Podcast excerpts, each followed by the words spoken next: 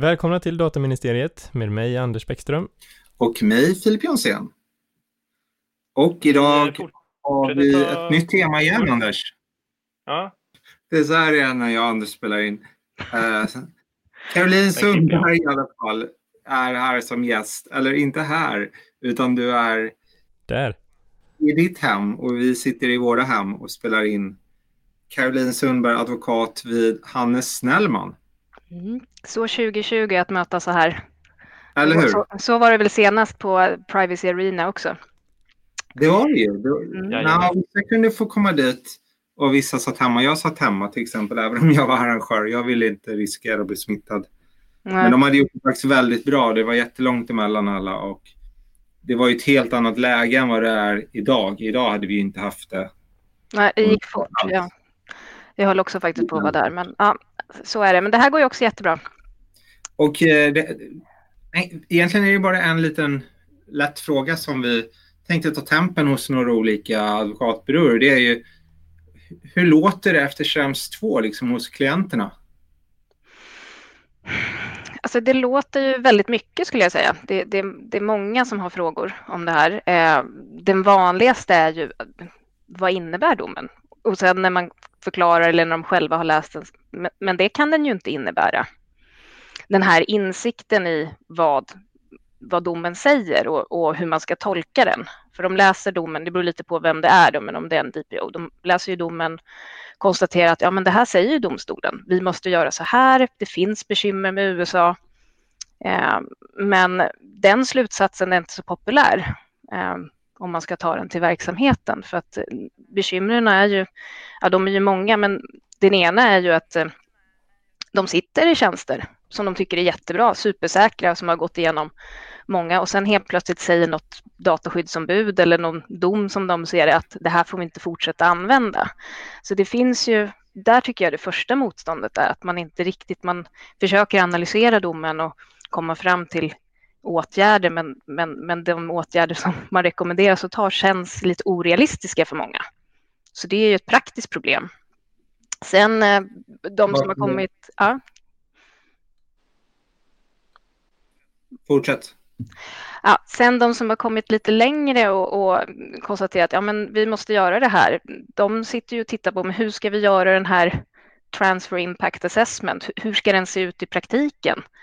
är det här ens möjligt? Jag menar USA, där har vi ju i alla fall i domen och det finns rätt mycket skrivet, men när vi tittar på andra länder som man har sourcat IT eller man har en hel global, global tjänst, hur ska, man, hur ska man mäkta med och hur...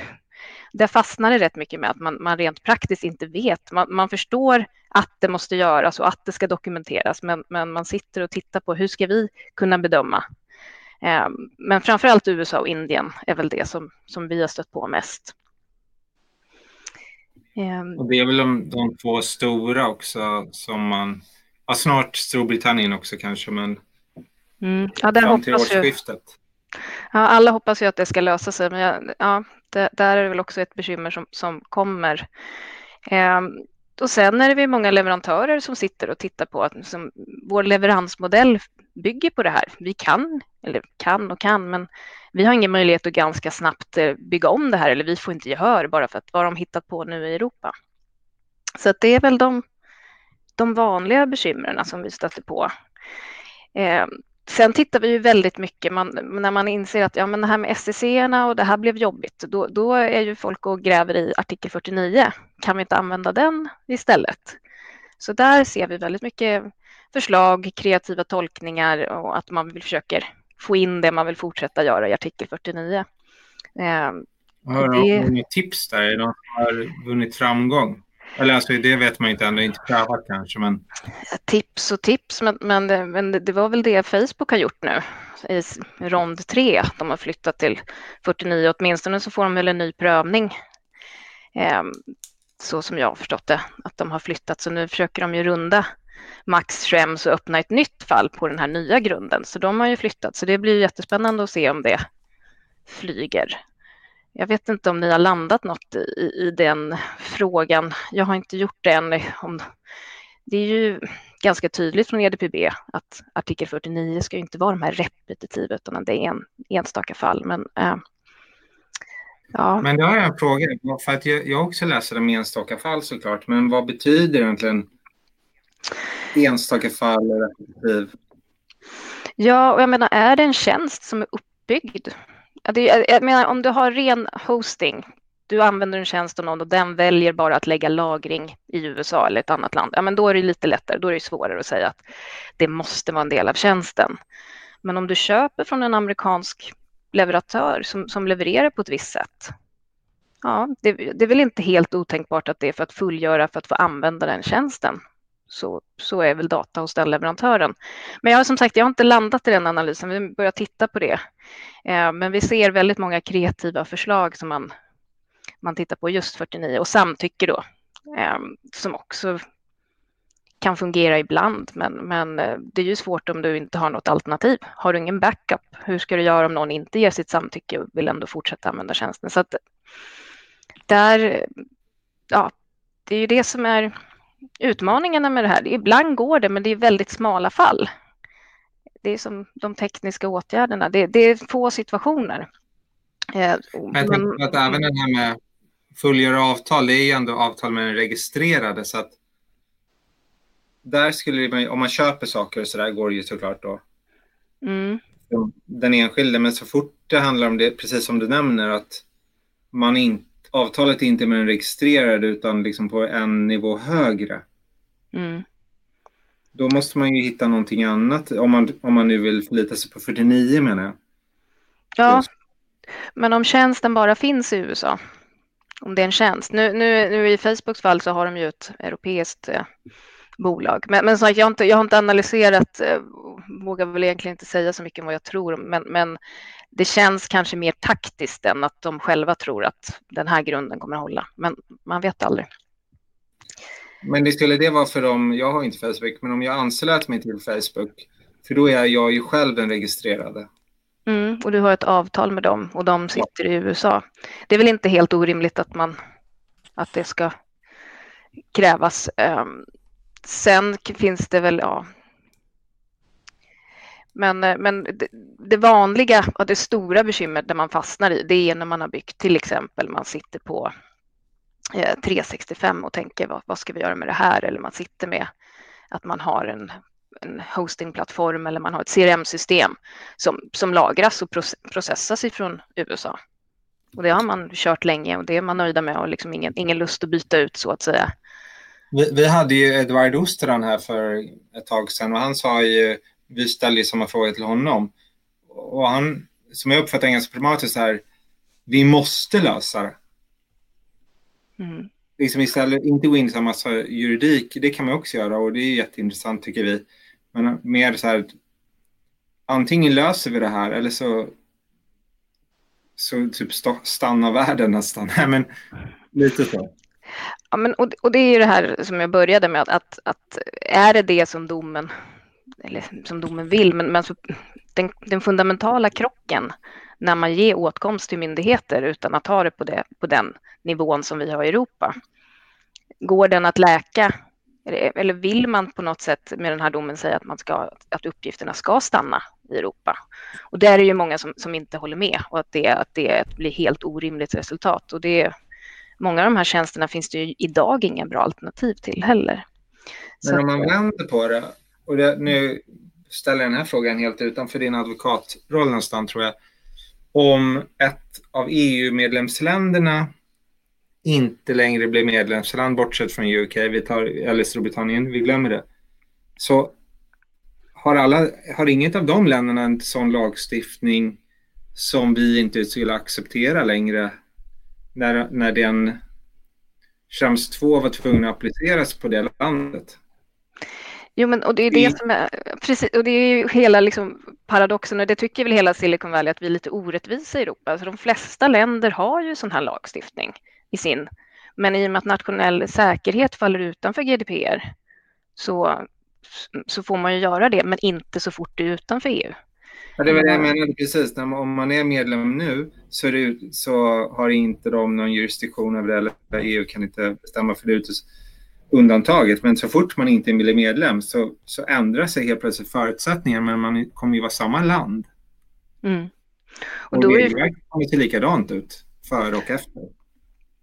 Men frågan är om man skulle säga att man gjorde då, för det har jag också funderat på, man gjorde liksom en, en, en carve-out för, för nationell säkerhet och sa att ja, men eh, de, de reglerna, så länge ni bara övervakar eller kommer åt uppgifterna för det här ändamålet, då är vi okej okay med det, och då krockar det inte med de här tredjelandsöverföringsförbudet. Men hur upprätthåller man en sån lista och vilka länder tycker man? Jag menar, vi tänker på USA, vi tycker, vi tycker väl att de är ju allierade och hyfsat, hyfsat nära oss i Europa, men, men när vi tittar på andra länder och när de väl har datan, vad får man försäkran om att de inte använder uppgifterna till någonting annat? Det är ju där som är eh, som jag ser som den svåra om man skulle göra ett sådant undantag som, som känns som kanske en av de vägar framåt om vi inte vill ändra hela EU-stadgan. Nej, alltså ändra EU-stadgan känns ju som ett, ett lite större projekt. Det är en lite uppförsbacke, ja men precis. Eh, så, så, så att om, om, vi säger att det inte är den vägen man ska gå, hur, hur ska man... Man pratar, jag såg så sent som idag att det här handels, ett nytt avtal verkar ligga ganska lågprioriterat i USA. Och det skulle ju bara vara någon sorts plåster på såren och köpa oss ett par år till tror väl, jag vet inte om ni tror det, men jag tror väl att det, det, det löser ju inte det problemet som man har, att myndigheterna får åtkomst på ett sätt som inte är proportionellt eller som inte har den här processen som vi eh, tycker är rimlig. Eh, så att, så att eh, ja, jag vet inte vad ni... Det ska bli jätteintressant att lyssna. Till klientsidan, liksom, nu, de har ju inte den här, oftast inte gissar den här djupare kunskapen utan de läser tidningarna, de läser kanske um, vad heter det, ställningstaganden från olika, vilka det än må vara, myndigheter eller privata aktörer. Även advokatbyråer har ju gått ut och tagit ställning ibland. Inte, inte just ni, men andra. Mm. Um, och, och, det snappar ju ofta klienter upp. Jag har ju själv jobbat på advokatbyrå förut och man kunde ju få sådana frågor att de har läst någonstans och så är det lite fel eller, eller man tycker själv att det är lite fel och de blir jätteuppjagade. Ja, alltså det var ju jättemånga leverantörer som har gått ut, ingen nämnd, ingen glömd och, och var ganska slå på stora trumman att SCC-erna klarade sig minsann, så de, de fortsätter vi använda och så, så, så det har ju många snappat upp Eh, det budskapet att ja, men vi, vi får bara SCC på plats om vi, om vi kör Privacy Shield till exempel och så har vi löst det. Eh, så där, där kan ju många då när de ringer upp oss då kanske ha, ha uppfattningen att det är bara det här lilla pappret som ska till och sen så är vi klara. Och de, när man säger att nej men riktigt så enkelt är det tyvärr inte.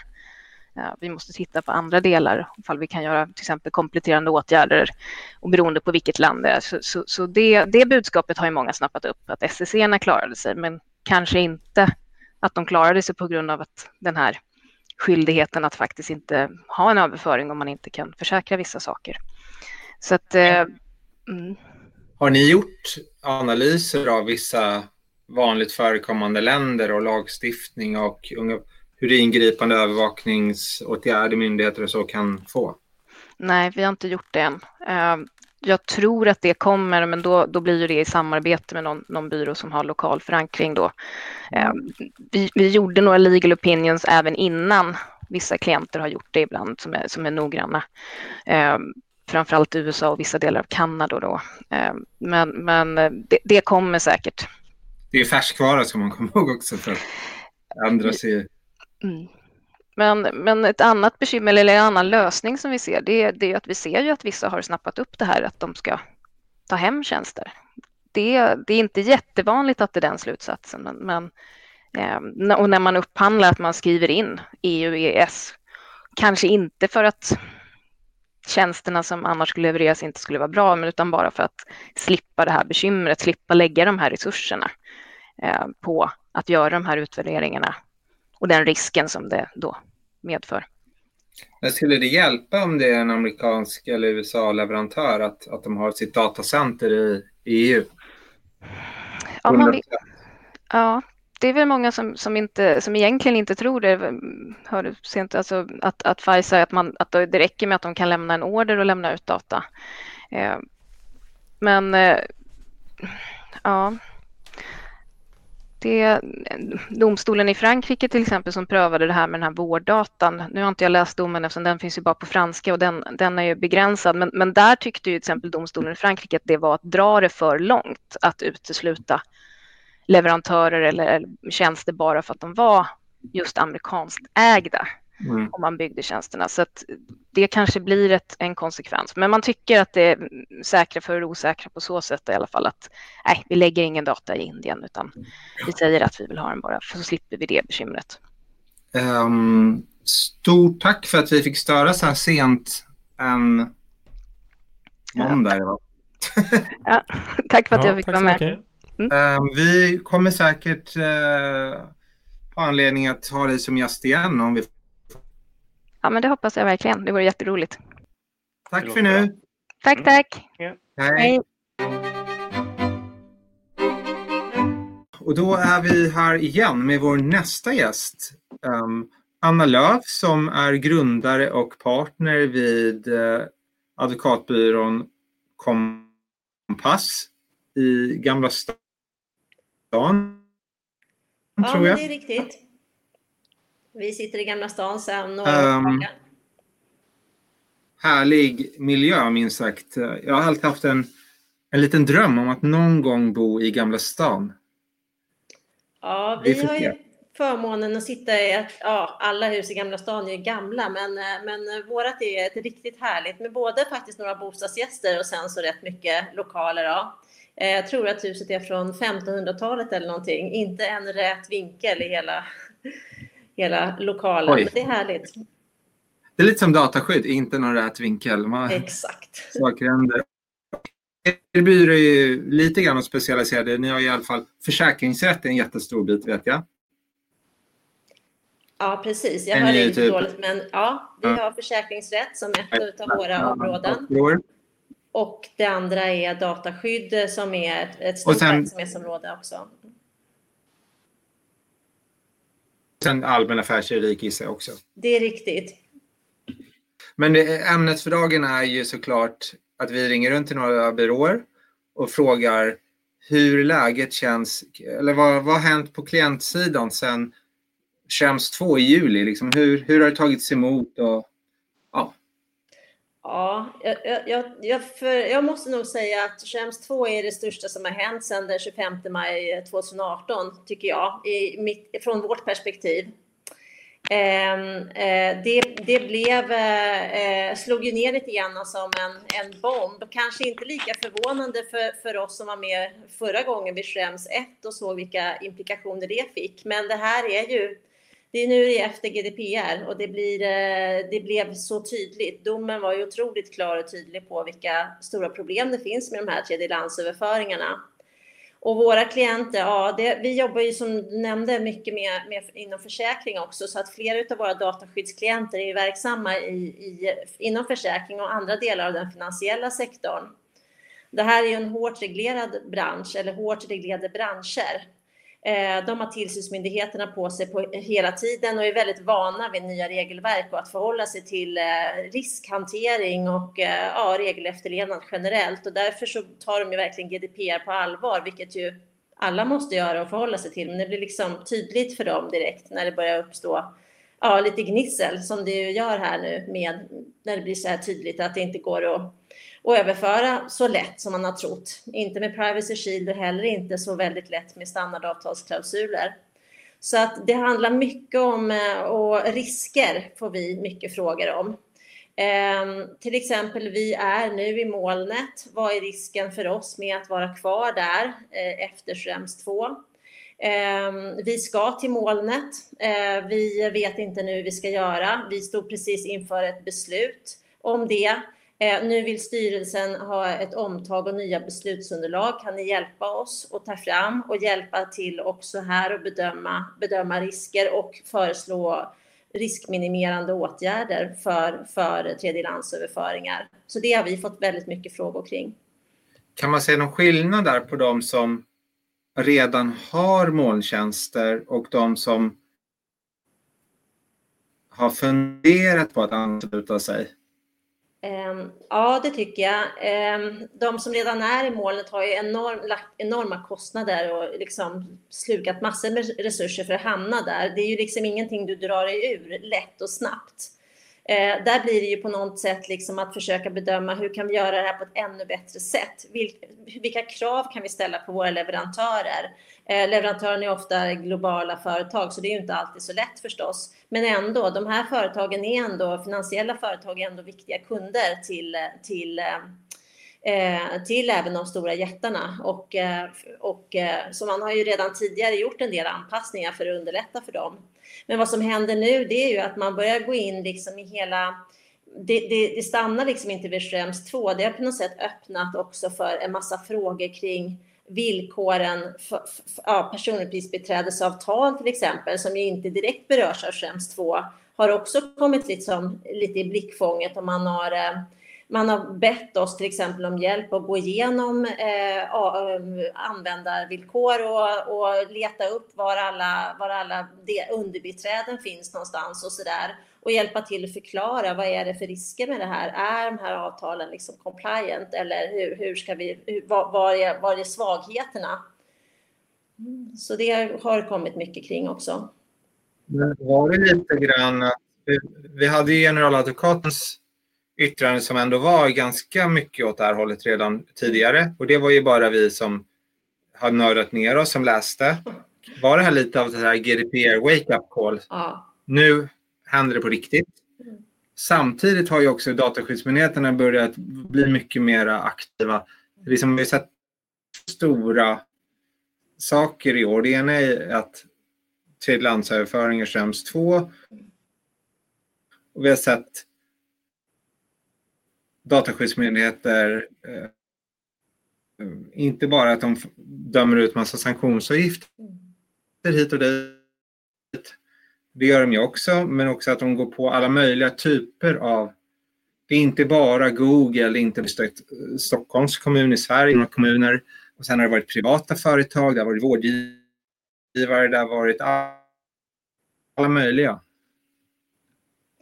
Är det så? Nu, nu är det på riktigt även för klienterna? Ja, men det tror jag också att det samverkar. Alltså att det blev den här, så här globala fokuset med Schrems 2 samtidigt som precis det som du nämner, som det händer. Att man också som, man får både höra liksom buzzet runt omkring och som du sa, LinkedIn har liksom varit proppfullt med Schrems 2 och sen samtidigt så hör man eller blir själv drabbad av, eh, eller drabbad ska jag inte säga, men blir själv föremål för tillsyn.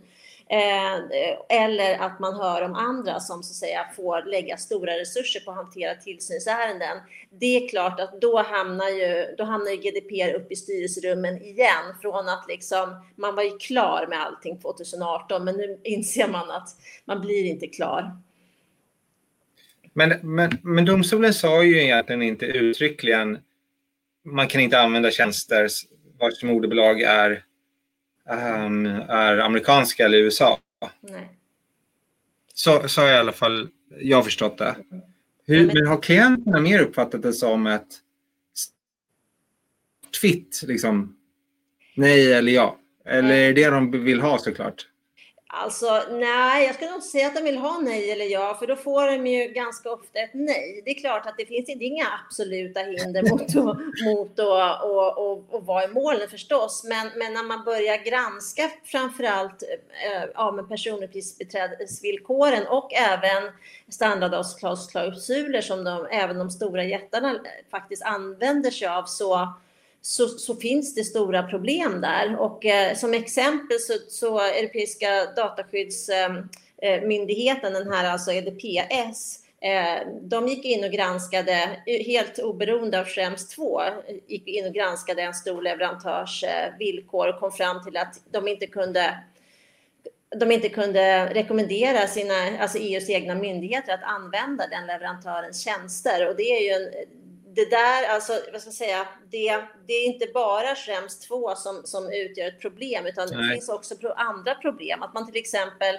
de här leverantörerna använder datat för egna ändamål, något som är väldigt svårt att få ihop med biträdesrollen och som kan göra att, att, att, att utlämnande av data med laglig grund kan vara ett jätteproblem. Det där har inte uppmärksammats så mycket tidigare. Det har liksom glidit lite under radarn. Men nu när man börjar titta på oj, vad står det egentligen här i villkoren och, och oj, vad ska vi liksom hur nu finns liksom skäms 2. Då går man in och tittar i detaljer och då hittar man andra problem också. Och det, det upplever jag hos flera klienter och inte bara personuppgiftsansvariga utan även hos personuppgiftsbiträden. Det har vi faktiskt haft två sådana på sistone som har fått sina kunder på sig så att säga. Okej, okay, nu har Schrems 2 kommit.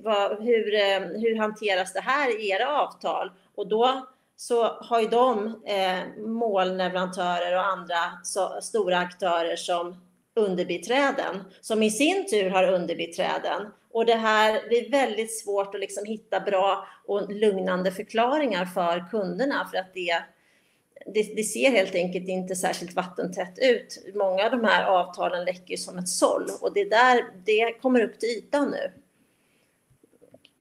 och skapa problem. Och vi har till och med haft flera situationer där, där faktiskt man har valt bort stora tjänster som Azure och Amazon Web Services till förmån för svenska datacenter Eh, med, eh, som har gett garantier om att inte ha åtkomst till data från tredje länder på grund av kundens krav. Man, alltså som biträde då så har man, har man helt enkelt fått styra om. Så, och det är ju en jättegrej alltså, säkert enormt kostsamt. Det, det, är otroligt intressant, eller som jag brukar kalla det superintressant. Um, tyvärr så är tiden iväg um, och jag känner att vi kommer förbjuda in dig till ett senare avsnitt och prata mer om det här. Det skulle vara jätteroligt. Jag, jag, tycker, jag tycker verkligen ja, men, ja, Vi är nördar här allihopa, både vi som pratar och de som lyssnar. Men det, jag är jätteglad att jag fått vara med den här gången. Mm, vi får reservera någon timme då, tror jag. Okej, okay. vi, vi återkommer. Gör vi. Tack så länge. Tack så länge. Hej då. Vi fortsätter Filip med lite ja, ja men benchmark säger vi väl då i brist på bättre ord. Stämmer av lite med olika advokatbyråer vad eh, klienter säger och vad som har hänt sedan sommaren och det här Schrems som vi pratat om någon gång. Eh, den här gången har vi med oss Fredrik Gustafsson från nu är det TM och Partners, eller vad är det? Törngren Magnell tidigare. Det, det långa namnet är Törngren Magnell och Partners, advokatfirma, mm. men, eh, men TM och Partners funkar jättebra. Eller bara TM kanske? Eller bara TM. Men eh, ja, hur går snacket? hur har era klienter reagerat och vilka frågor är det man ställer nu efter, ja, efter Schrems? De som har uppfattat det. Märker ni också några som kanske inte har uppfattat det, eller vet alla om? Jag skulle säga att de flesta vet om nu. Det, det har skett en, jag skulle säga efter EDPBs eh, nya vägledningar så har det skett en stor skillnad i medvetenheten i de här frågorna. Eh, och också då kanske i förhållande till Google Analytics då, Datainspektionens senaste åtgärder där. Eh, så jag skulle säga att de flesta klienterna är väldigt vakna när det kommer till just de här frågorna just nu. Till skillnad mot vad man var kanske i somras. Och eh, vad är det, ja, vad, vad, vad blir liksom första frågan när de kommer till er? Lyfter luren, ringer, vad är frågan? Ja, men det beror på vad man är i sitt arbete. Det, det, finns ju de som, som har väldigt konkreta frågor, till exempel hur gör vi nu med Google Analytics? Det är väl en ganska vanlig fråga. Hur kan vi hantera den situationen och sådana saker. Eh, och sen finns det de som inte har kommit lika långt i sitt arbete utan mer funderar på strategier och, och liknande för att hantera eh, den här eh, 2-problematiken. Eh, och där är ju mer en vanlig fråga, hur går man tillväga, hur börjar man, hur kommer man igång med arbetet, vad behöver man tänka på, hur behöver man prioritera? Mer sådana strategiska. Eh, så, så en del klienter har vi kommit ganska långt i sitt arbete, uppmärksammat problematiken och liknande, medan andra är mer kanske är i en uppstartsfas som har dragit ut lite på tiden, men som har snabbats på efter EDPBs vägledning kan man säga. Men för bara, de här som ligger i, i början, är det de som inte hoppade på tåget 2017-18 då eller? Ja, det, är väl, det, är väl, det, är väl en, det är väl en bra fråga. Nej, men så, så kan man väl säga att det finns ju de som inte kanske har hantering av personuppgifter som sin huvudsakliga uppgift. Ja, men om man tänker vid sidan av banker, försäkringsbolag och andra typer av verksamheter där liksom personuppgifter verkligen går till navet av deras verksamhet. De som mer har det, vad ska man säga, ja, men någon, någon, några måltjänster, lite datalagring, Office-tjänster och sådana saker, eh, men inte på det stora hela. Eh, såklart alla moderna företag håller på att behandla personuppgifter i stor utsträckning, men inte på det stora hela har reflekterat lika mycket som de här, de här företagen som inom ja, försäkringsbranschen, banker och sånt har gjort. Och hur är det liksom med skillnaden mellan eh, vi nämnde det tidigare, jag missade lite om du kanske var inne på det, men ehm, med en annan byrå så menar de ändå att det fanns en ganska stor skillnad på sådana som inte var liksom inne i molnet och sådana som var det. Hur ser det ut för er del på den eh, sidan? Ja, men så, såklart det är, alltså när man lägger upp en när man lägger upp en strategi i de här, i de här frågorna så är ju en jätte, jätteviktig fråga hur långt in i molnet är man då och, och vilka problem har man i det här?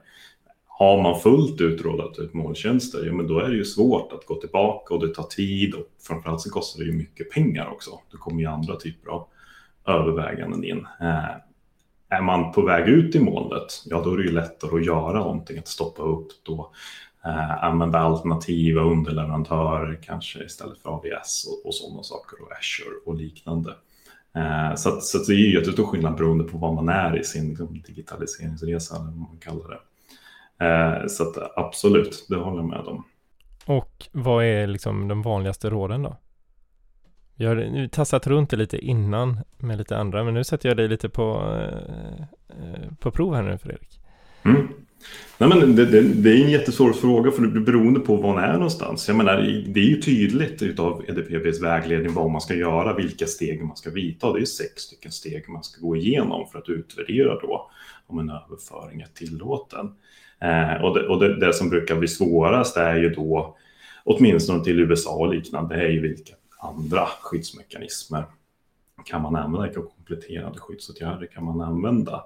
Eh, så den svåraste frågan där är väl då om man på något sätt har en eh, molntjänstleverantör till exempel då, som har ett datacenter, som ett amerikanskt bolag, men har ett datacenter inom EU. Man vill inte att de ska föra ut personuppgifter utan EU. Men med tanke på den här vägledningen då, då är det en väldigt vanlig fråga. Vad kan vi göra? Vilka skyddsåtgärder kan vi vidta? Hur kan vi åtminstone minska riskerna i den här situationen? Pseudonymisering, ja, i någon mån kryptering då, fast det är svårt, det vet vi ju. Eh, och, och, liknande saker som vi kan göra och minska våra risker i sammanhanget.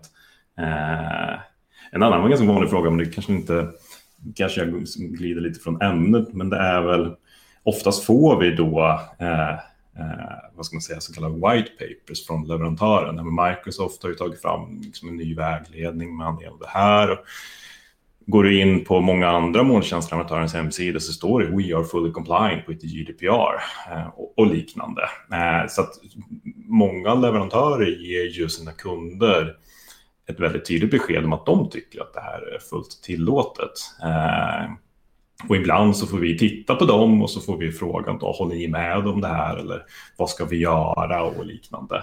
Eh, så det, det, är en ganska vanlig fråga helt enkelt. Ja, men vi har fått det här från Microsoft. Vi frågade dem, är det tillåtet att använda en tjänst? Vi fick det här white paper. Vad tycker ni? Funkar det som Microsoft säger? Behöver vi vidta några ytterligare åtgärder och liknande eh, på så sätt? Vad, vad, vad svarar ni? De är ju intressanta de här eh, white papers eller olika memos, allt möjligt som leverantörerna har gett ut och skrivit olika saker. Och vissa har ju då Max organisation eller Max Schrems själv faktiskt gått ut mm. och liksom dissekerat rad för rad och sagt vad de brister i eller hur, hur, hur ska man tolka det? Jag menar om jag jag vill inte ta ställning åt ena eller hållet, men om jag var en leverantör skulle jag säkert agera likadant och försöka övertyga mina kunder om att nej, men ni kan fortsätta använda mina tjänster. Vi pratar inte en kund, vi pratar liksom 10 miljoner, eller jag har ingen aning, men otroligt många. Nej, vad vi säger, vi säger väl ungefär det du säger att det här är en partsinlaga i sammanhanget från, från leverantören. Det första jag brukar säga är spara den, kom, dokumentera den, att det här är leverantörens svar på, på din fråga. Uppfyller ni kraven? ja, tycker leverantören. Ehm, det är ju bara en del då i bedömningen. Men, men spara den, det brukar vara mitt första råd i sammanhanget. Spara dels att ni ställt frågan, men spara också svaret ni fick från leverantören den här delen.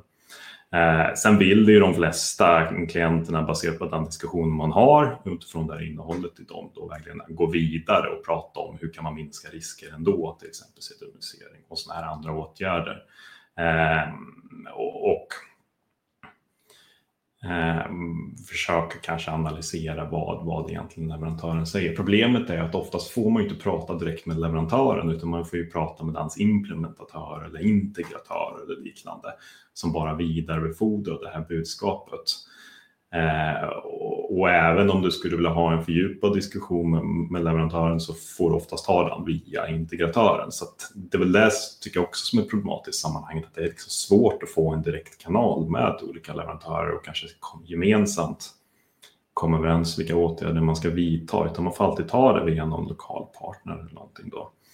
Eh, så att Nej, men det är klart, man kan inte ta det för givet det som står i de där, i de där white papers, och det är väl en partsinlaga i sammanhanget. Men, men, men det är ju åtminstone ett tydligt ställningstagande, tänker jag liksom som en advokat då, från vad leverantören, hur de ser på det rättsliga läget. Eh, och GDPR är ju såklart ansvarsprinciper och sådana saker. Men, men nog måste det i slutändan påverka någonting. Eh, om Datainspektionen skulle göra en annan bedömning så, så den ska man ju spara. Men om man tänker på de här... Eh, det finns vissa leverantörer som har väldigt många kunder inom EU som vars moderbolag är i USA. Det, är inte bara AVS och Google, det är, en mängd andra jättestora leverantörer. Säger klienten typ så här, ja men alla andra använder de här tjänsterna? Alla säger så. Så är det ju. Ah, okay. det, brukar, det, brukar, det brukar vara liksom främsta argumentet från klientens sida, men alla andra gör det ju för, för att vara kass. Och det kostar hur, så mycket. din personliga åsikt eller din advokat personliga åsikt. Alltså, om, om vi säger att det finns tio väldigt stora leverantörer som vi pratar om ungefär. Alla de levererar ju samma tjänster till alla klienter. Det är hela idén. Så på sätt och vis är väl typ antingen är alla klienter compliant eller ingen. Ja, och i någon utsträckning så är det väl så. Samtidigt så finns det ju risk, en riskskala i sammanhanget. Jag menar, det beror ju på vilka typer av uppgifter du behandlar i systemet och sen så finns det ju såklart olika säkerhetsåtgärder som du kan lägga på. Det kanske inte läker allting, men det kan åtminstone minska, minska riskerna i sammanhanget. Både, både för de registrerade och för de personuppgiftsansvariga. Så att det är klart, jag menar, det känns ju lite ibland som att antingen uppfyller alla de här kunderna Eh, GDPR eller så gör de det inte, att det känns lite svart och vitt. Men, men, men samtidigt får man ju också, eller åtminstone i min yrkesroll så är det väldigt viktigt att prata om liksom då risker och vad kan jag göra kortsiktigt och långsiktigt perspektiv. Eh, kortsiktigt kanske jag kan lägga på lite extra säkerhetsåtgärder. Långsiktigt kan jag fundera på mina, eh, mina outsourcingplaner, min strategi och hur jag ska se på mina leverantörer, vilka jag ska använda mig av och liknande.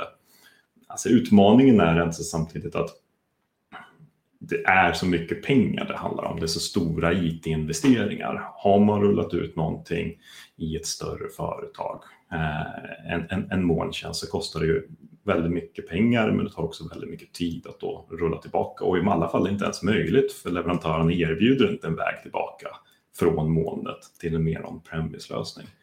Så, så det finns ju många olika aspekter där att jobba med. Eh, men, men man, nog måste man väl ha en diskussion med sin, med sin leverantör som är så stor utsträckning som det går. Eh, ja, med pseudonymisering, um, jag, jag, vill inte alls liksom säga att det inte fungerar och sådär, men hur... Rent praktiskt, har du någon idé om hur det skulle funka i, i, i den här miljön? Eller man ska säga, liksom, för pseudonymisering det innebär ju ändå att den uppgifterna som du placerar i målet, molnet, förlåt, molnet, äh, ehm, de i sig ska du inte kunna identifiera en person med. Och då vet man ju att det krävs ganska få datapunkter för att man ska kunna identifiera någon. Nej, men så är det. det, det jag ser inte pseudonymisering som någon slags silverkula i sammanhanget. Det, det är det inte. Det, det, är ett steg på gärdet och steg, steg på vägen för att kunna hantera en problematik. Eh, man får väl försöka ha dem i helt åtskilda system. Då, liksom en lista i ett, system och helt pseudonymisera uppgifter i en annan. Men, men det är klart, det där är de som är duktigare på, på IT-säkerhet och, och på IT överlag, de vet ju att det där är, det oftast är det ju lättare det är ganska enkelt att avpseudonymisera uppgifter om jag förstår det rätt då, i, i, i realiteten. Så nog är det svårt, men, men jag tror väl att det kortsiktigt åtminstone så är det en bra, en bra åtgärd. Eh, skulle jag säga. Rent, rent generellt så ska man väl säga så här, alltså jag brukar säga, det, det finns väl en stor, stor frustration där ute, hur ska man göra? Och det är svårt som advokat eller jurist att ge konkreta råd. Det finns, finns ju ingenting, finns ju inte ett råd som löser situationen, utan man får ju försöka jobba med flera olika typer av verktyg. Och största utmaningen är väl egentligen som du sa Filip tidigare här, men alla andra gör ju det. Och ingen åker dit på det än så länge. Nu har vi Google Analytics och lite sånt där då. Men eh, jag skulle säga att det sällan har varit så stor skillnad mellan juridiken och praktiken som, som det är i just det här fallet. Och det skapar ju stor frustration. Också i kombination med att det är så pass mycket kostnader, pengar och tid som, som det rör sig om. Så, så att nog, nog finns det mycket frustration. Men jag tycker allmänt så att de jag pratar med, de, eh, alltså alla gör sitt bästa. Man jobbar på, man tar steg för steg, jobbar sig framåt, går igenom eh, Eh, sina mest högriskavtal, högriskbehandlingar, jobba sig vidare. Man har konstaterat att man inte längre förlitar sig på Privacy Shield, går vidare till SEC, Sen går man vidare, vad kan jag lägga på för någonting? Sen hade vi väl alla stora förhoppningar kring att EDPBs vägledning kanske skulle öppna upp snarare för olika typer av åtgärder. Men jag skulle kort sammanfatta rättsliga lägen att det, det är ju svårare att uppfylla GDPR efter EDPBs vägledning än det var innan. Det fanns större, eh, större öppningar eller större möjligheter innan vi fick vägledningen.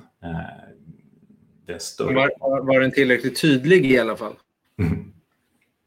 Precis, Nej, men i, i domen så, så, så, resonerar man kring adekvata skyddsåtgärder på olika sätt som kan komplettera tekniska och organisatoriska och, och sånt. Eh, och, och sen utifrån de olika use casen i EDPB så här är ju då tydligt då att till exempel kraven på kryptering, om man ska använda sig det som en skyddsåtgärd, de är väldigt, väldigt höga. Till exempel att amerikanska myndigheter inte ska kunna knäcka krypteringen. Eh, och vill man att en amerikansk molntjänstleverantör, eller jag kommer inte ihåg exakt då exemplet där eh, vill ha data in the clear, ja, då, ställer ju, då säger man att det är omöjligt i, i, i sammanhanget då under vissa förutsättningar i, i vägledningen. Så att utmaningen är väl sammanfattningsvis större efter EDPBs vägledning än innan skulle jag säga, från ett rent juridiskt perspektiv. Men jag, jag, en fråga som jag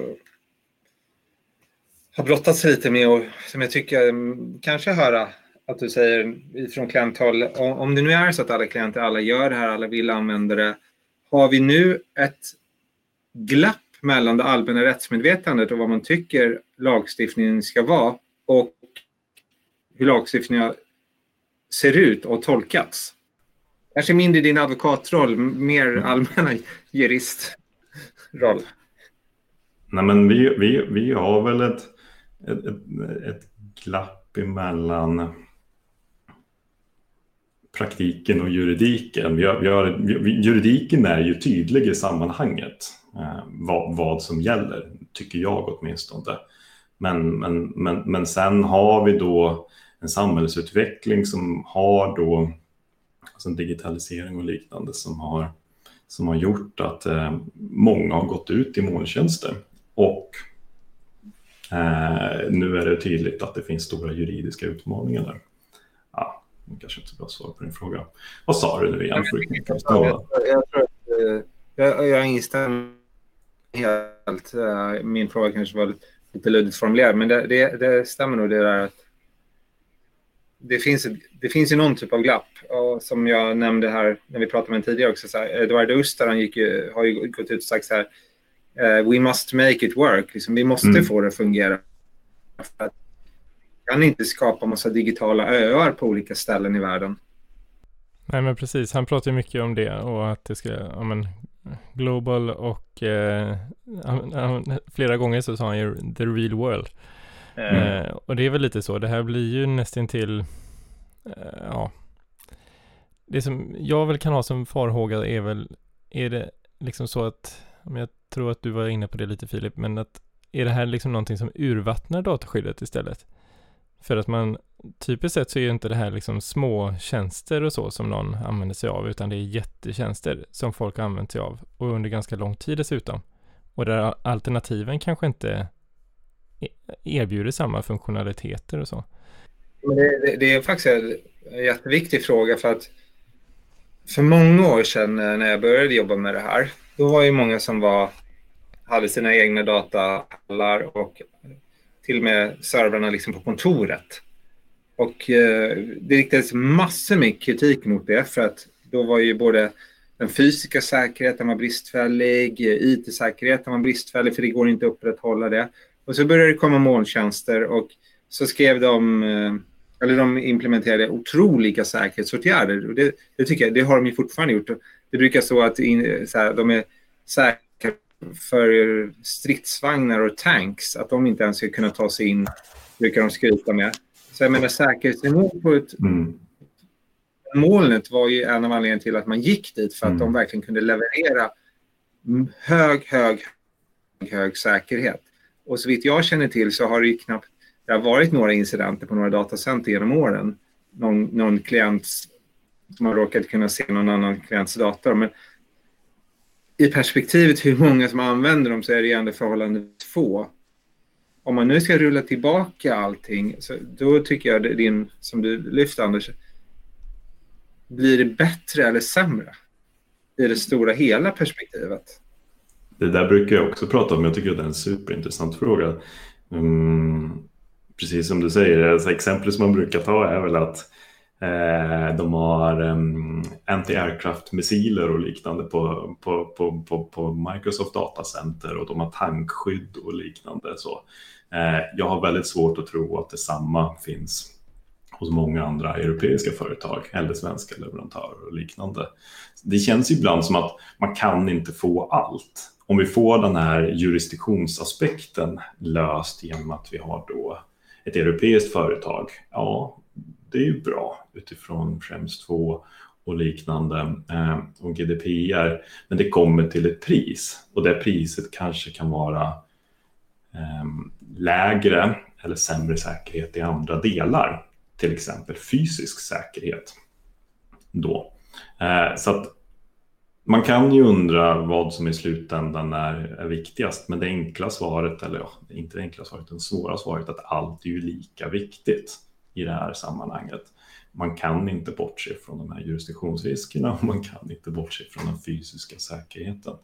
Så att, ähm, ähm, ja, det, det, det, det, är ju ibland, ibland blir det ju så himla mycket fokus på just en fråga och det är ju just nu med tredjelandsöverföringar. Och det är väldigt lätt när man har mycket fokus på, på en fråga att man glömmer bort andra viktiga frågor också i sammanhanget. Eh, så det, det är väl en klok aspekt. Det är en bra avrundning eller? Ja, men jag tyckte det också. Vi får tacka dig så jättemycket Fredrik för att du ville vara med oss i dataministeriet. Nästa gång kanske vi tar lite mer tid i anspråk eh, om möjligt. Eh, men tack så mycket för den här gången. Stort tack. Tack. Tack så mycket för att ni lyssnade. Ha det gott.